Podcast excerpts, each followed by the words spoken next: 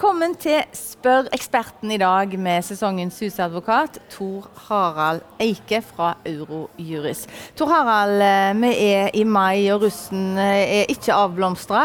Eh, jeg tenker litt på den russebuss-saken der de fikk bruksforbud og litt fram og tilbake. Du hadde sagt at du kunne hjelpe dem hvis det ble nødvendig. Ja, altså Vi har jo unge fullmektigere ansatt, og når den saken der kom opp, så var det full fyr hos oss med folk som ønska å hjelpe dem, for de syntes det var veldig urimelig. Eh, altså En overreaksjon på det bruksforbudet. da. At de ble straffa, det nå kan det være en annen sak, men, men, det at de fikk et bruksforbud som påfallende nok var til ett russetid, det ble opplevd som en veldig sterk integritetskrenkelse, rett og slett. Og Dere syns ikke at politiet hadde helt hold for det? Nei, vi er, jo ikke, vi er jo opptatt av at politiet skal gjøre jobben sin. og Hele dette går jo på at de skal sørge for at uh, ungdommene kommer hele gjennom russetida. Men uh, det er noe med å, forskjellen på å barbere seg og skjære hodet av seg, og det var vel det siste dette her er. Men så endte det jo godt, da. Så vi husker at uh, politiet de tenkte seg litt om, og så fikk de bussen tilbake og bruksforbudet oppheva etter et døgns tid. Mm. Da skal vi inn i spørsmålsbunka. Her er det et fra ei eh, alenemor. Jeg har i de siste fire årene cirka leid en rekkehusleilighet eh, hvor jeg med mine to barn bor, eh, og ungene er i småskolealder. Leiekontrakten ble inngått for tre år siden med utløp 15.2.2019. Det var snakk om å forlenge kontrakten, men dette ble aldri formalisert utover at vi fortsatt bor der, og at jeg hele tida har betalt leie punktlig. Nå sier utleier at vi må flytte innen tre måneder fordi de skal selge leiligheten, og de tror det blir vanskelig med leieboere. Han sier at de kunne ha krevd at vi flytta på dagen, men uh, siden leiekontrakten er utløpt, og at han uh, er veldig grei, så skal han gi oss tre måneder. Jeg ønsker å bli boende. Særlig av hensyn til ungene, i forhold til strøket vi bor i og skolen. En venninne av meg har anbefalt, med, eh, anbefalt, meg å gå til advokat, og mener at jeg ikke trenger å godta oppsigelsen. Hva sier du til det?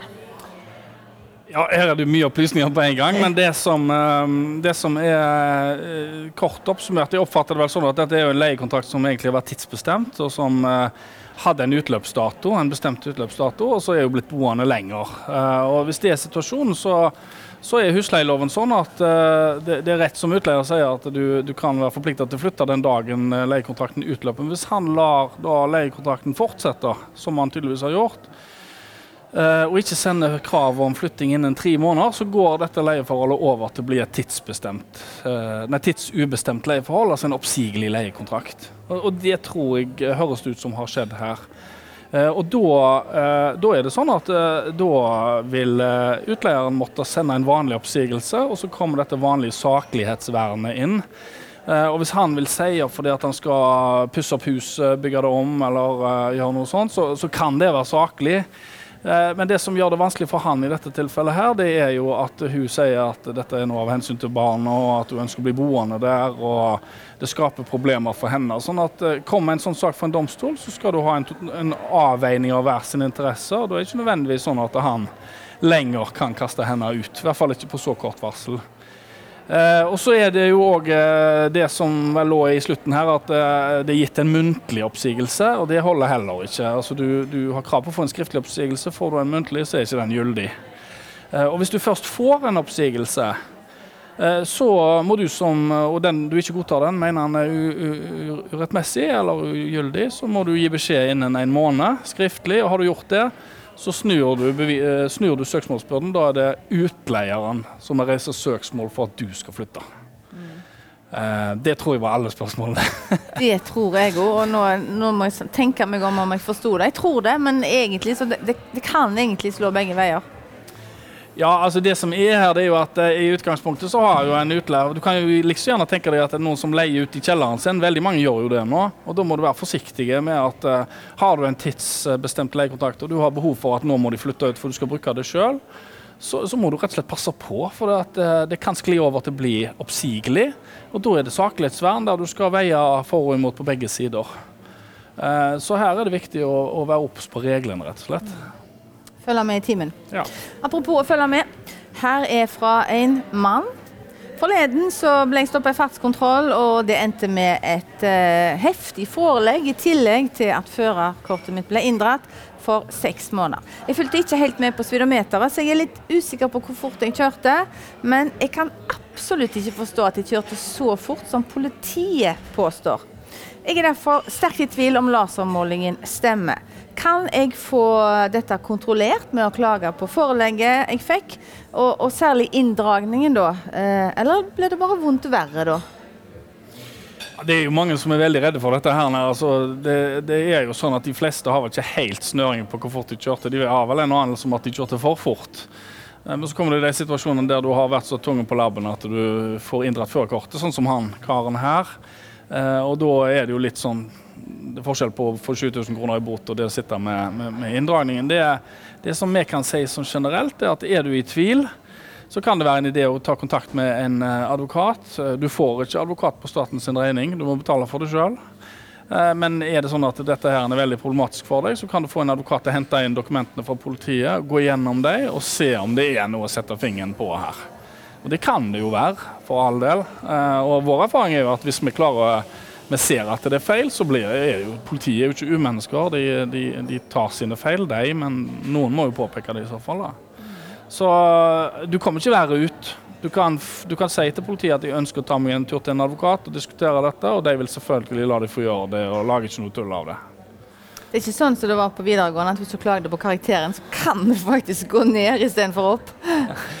Nei, min erfaring med politiet er at det er veldig skikkelige folk som er der, og de er opptatt av rettssikkerhet. Og hvis folk sier at dette er jeg ikke trygg på, så lar de deg få den tida du trenger på å tenke deg om. og Selvfølgelig, Hvis du aldri klarer å bestemme deg, så slår de til. Men, men ellers, så, så, hvis det er en advokat sin i bildet, så avventer de og ser hva som kommer.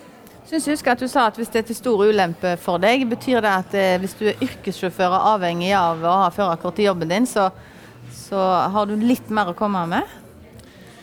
Ja, eh, I stor grad så er jo disse inndragningene som oppleves veldig brutale, eh, de er jo basert på forskrift der du har intervaller. Så kjører du så og så fort, så og så mye over, så er inndragningstida gitt. Og det er lite spillerom hos politijuristene på hva de skal gi der. Men selvfølgelig, hvis du argumenterer godt og det er fornuftig argumentasjon du har, så kan du kanskje iallfall få korta det litt ned hvis du er i grense, grenseland. Så handler det om sommerjobb. Eh, der er tida inne nå til å ja, søke, eller kanskje heller få svar, faktisk, når det kom så langt. Herfra inn som driver en virksomhet hvor de prøver etter beste evne å gi eh, ungdommer sommerjobb. Vi mottar mange søknader, skriver de, for tida, og enkelte av søkerne er nokså unge. Hva er egentlig grensa mellom lovlig arbeid for ungdom og ulovlig barnearbeid? Altså, utgangspunktet så er jo utgangspunktet så har vi jo 18-årsgrense på de som da, da, er du på en måte helt uavhengig av dine foreldre. Uh, men loven sier jo at er, det er ikke barnearbeid hvis du har barn som er over 15 år ansatt hos deg. Uh, det eneste arbeidsmiljøloven sier det er at du kan ikke settes til en type farlig arbeid, risikofullt arbeid, men hvis det er de som har de gående i kolonialforretninger og på klesforretninger, er helt uproblematisk. Det blir barnearbeid når du beveger deg unna under 15 år. Når du kommer ned, eh, ned, under 13, så er det definitivt det. Men mellom 13 og 15 er det faktisk sagt at uh, du kan ha det i arbeid, men du må ha, du må ha samtykke fra foreldrene. Så kort oppsummert, er du over 13 år og har samtykke, så er det greit. Mm -hmm. Da skal vi på byen, eller vi skal høre fra en som var på byen og som ble vitne til en slåsskamp uh, ute på kvelden. Politiet ankom stedet, pågrep begge slåsskjempene og tok navnet på vitnene. Senere så ble jeg innkalt til et avhør uh, og trodde det hele var over, men nå har jeg altså fått en stevning fra politiet der de innkaller meg til vitneforklaring i retten. Jeg syns dette er fryktelig ubehagelig, og er rett og slett vettskremt med tanken på at uh, jeg skal forklare meg foran de tiltalte. Da er han jo naturlig nok redd for uh, eventuelle represalier, hevn og bli banka opp. Er det virkelig sånn at uh, jeg plikter å møte, eller kan jeg rett og slett si nei? Eh, nei, altså dette er jo noe vi møter veldig ofte, spesielt de hos oss som jobber med strafferett. Eh, og, eller har folk som er fornærma i straffesaker. De eh, opplever jo at folk er livredde. Eh, og mange har en sånn forestilling om at eh, Uh, noen kommer til å ta dem hvis de forklarer seg i retten mot dem. Jeg får vel si i utgangspunktet at jeg har, har, jo hatt noen år i retten etter hvert, og jeg har aldri noensinne hørt om noen som har blitt trua etter vitneforklaringer. Og dessverre har jeg hatt mange, mange konfirmasjonsaldre i retten har passert nå, så det, det, det, det er ekstremt uvanlig. Men det kan nok forekomme. Men du har dessverre ikke noe valg. Blir du innstevna av påtalemyndigheten som ønsker at du skal møte som vitne, så må du møte. Så får du heller ta det opp med dommeren når du sitter der. Eh, men, eh, men i bunn og grunn så kommer du ikke unna, dessverre. Det, det, er sånn systemet vårt er. Det skal ikke være kurant å true noen til taushet, og så er det du som vitne som opplever ubehaget. da. Så til noe som eh, kanskje er uproblematisk, eh, det òg. Jeg har for første gang booka sommerferie med fly og leilighet sjøl, uten å bestille via reisebyrå eller turoperatør. Ferien nærmer seg, og i disse flystreiketider så har jeg begynt å bli litt urolig eh, i forhold til at eh, Risikerer jeg at alt nå går i vasken dersom det blir innstilte fly? Hva gjør jeg egentlig dersom uhellet skulle være ute? Ja, jeg satte meg egentlig ned og tenkte jeg skulle prøve å si noe enkelt om det, men reglene er veldig kompliserte. For de som har opplevd det og, og, og tenkt at de skulle få tilbake pengene, de, de støter ofte på uh, litt sånn uoverstigelige vegger. men Um, jeg tror jeg vil si at det Utgangspunktet her er jo at uh, flyselskapet er ansvarlig for å dekke tapet ditt, eller gi deg en annen reise, i, i bunn og grunn, hvis ikke det er såkalt force majeure. Altså det ligger utenfor deres kontroll. Uh, terroraksjon på en flyplass eller et eller annet som gjør at de kan rett og slett ikke fly. Men, men typisk sånn som det vi har hatt uh, nå, nå i, i, vår, med flystreik, det ligger innenfor flyselskapet sin kontroll, og de må ordne opp.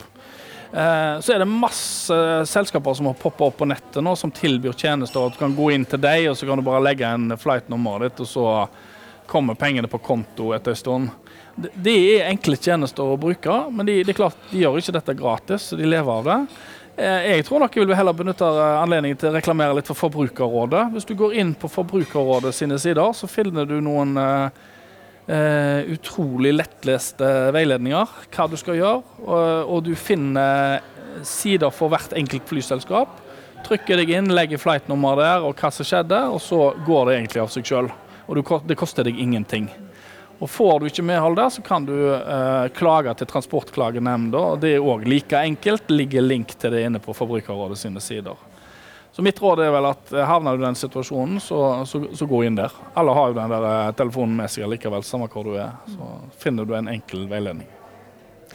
Så skal vi snakke litt om arv helt på tampen. Det er noe som eh, mange kan lure på i, eh, på en tid i livet, og som egentlig ganske mange ikke vet eh, nok om. Dette er fra et voksent søskenpar Min mor ble sittende i uskifta bo etter at far døde for noen år siden.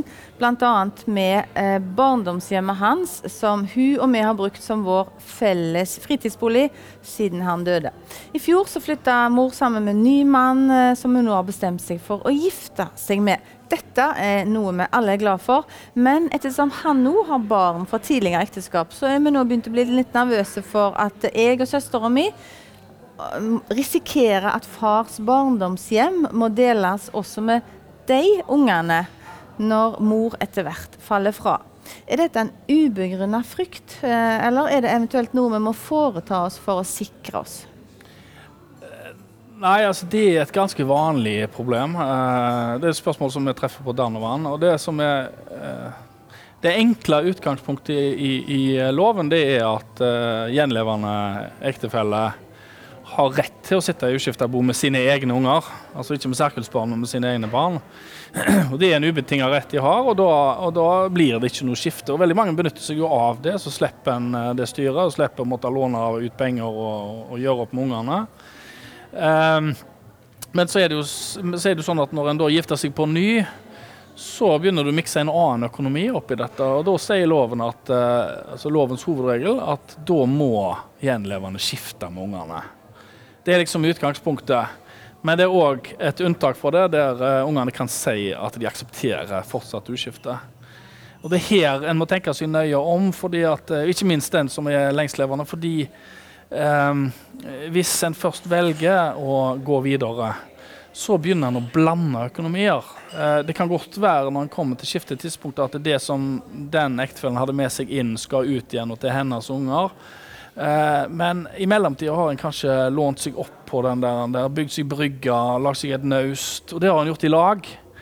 Eh, og da lager du problemer. Så det, vårt råd generelt er at eh, hvis en skal gå inn på sånn som det der, og det gjelder både den som sitter i uskifta bo og ungene, så prøv å lage en avtale og få regulert dette. Hva skal nå skje framover? Skal vi ta og skifte nå? Hvis ikke vi skifter, så hva skjer den dagen du faller fra? Hvordan skal vi håndtere dette? Eh, og gjerne dra med den nye ektefellen på, på laget, sånn at en slipper å ha den diskusjonen. For Det er jo det alle unger sier til oss, at hadde nå bare disse foreldrene våre kunne ordne det for oss og skrevet en avtale, så vi slipper å sitte og krangle. Eh, så her hjelper du egentlig arvingene dine med å, med å gjøre noe sånt. Klarer en å fikse opp i det sjøl, eller bør en gå til advokat? Du klarer jo det meste sjøl, men jeg, jeg, tror nok jeg ville anbefale Det er mange som har skrekk for dette med advokat, og det forstår jo vi, det koster penger. Men akkurat dette tror jeg kanskje jeg ville spandert noen kroner på. Det er vel noe som heter å spare seg til fant, og det kan fort skje her. Det å spare Eh, noen tusenlapper kan bli veldig dyrt i, i lange løp, så her vil jeg anbefale å ta kontakt med en advokat. Så det er lurt, eh, hvis en tenker på å gifte seg på ny og har eh, barn, at en rett og slett tar turen før bryllupet? Sammen gjerne med den nye mm. som en skal gifte, altså de som skal gifte seg. Ta en, ta en, ta en sjekk hos en advokat. Det var mange gode råd på en gang, helt gratis faktisk. Eh, følg med i neste episode av Spørreksperten. Tor Harald Eike han kommer tilbake om litt, og innen det så kan du sende inn dine spørsmål til oss. Enten på mail til redaksjonen at eh, tvh.no, eller putte det i postkassen vår på veggen det, på det lille, hvite, koselige huset på hjørnet i Skåregata 161.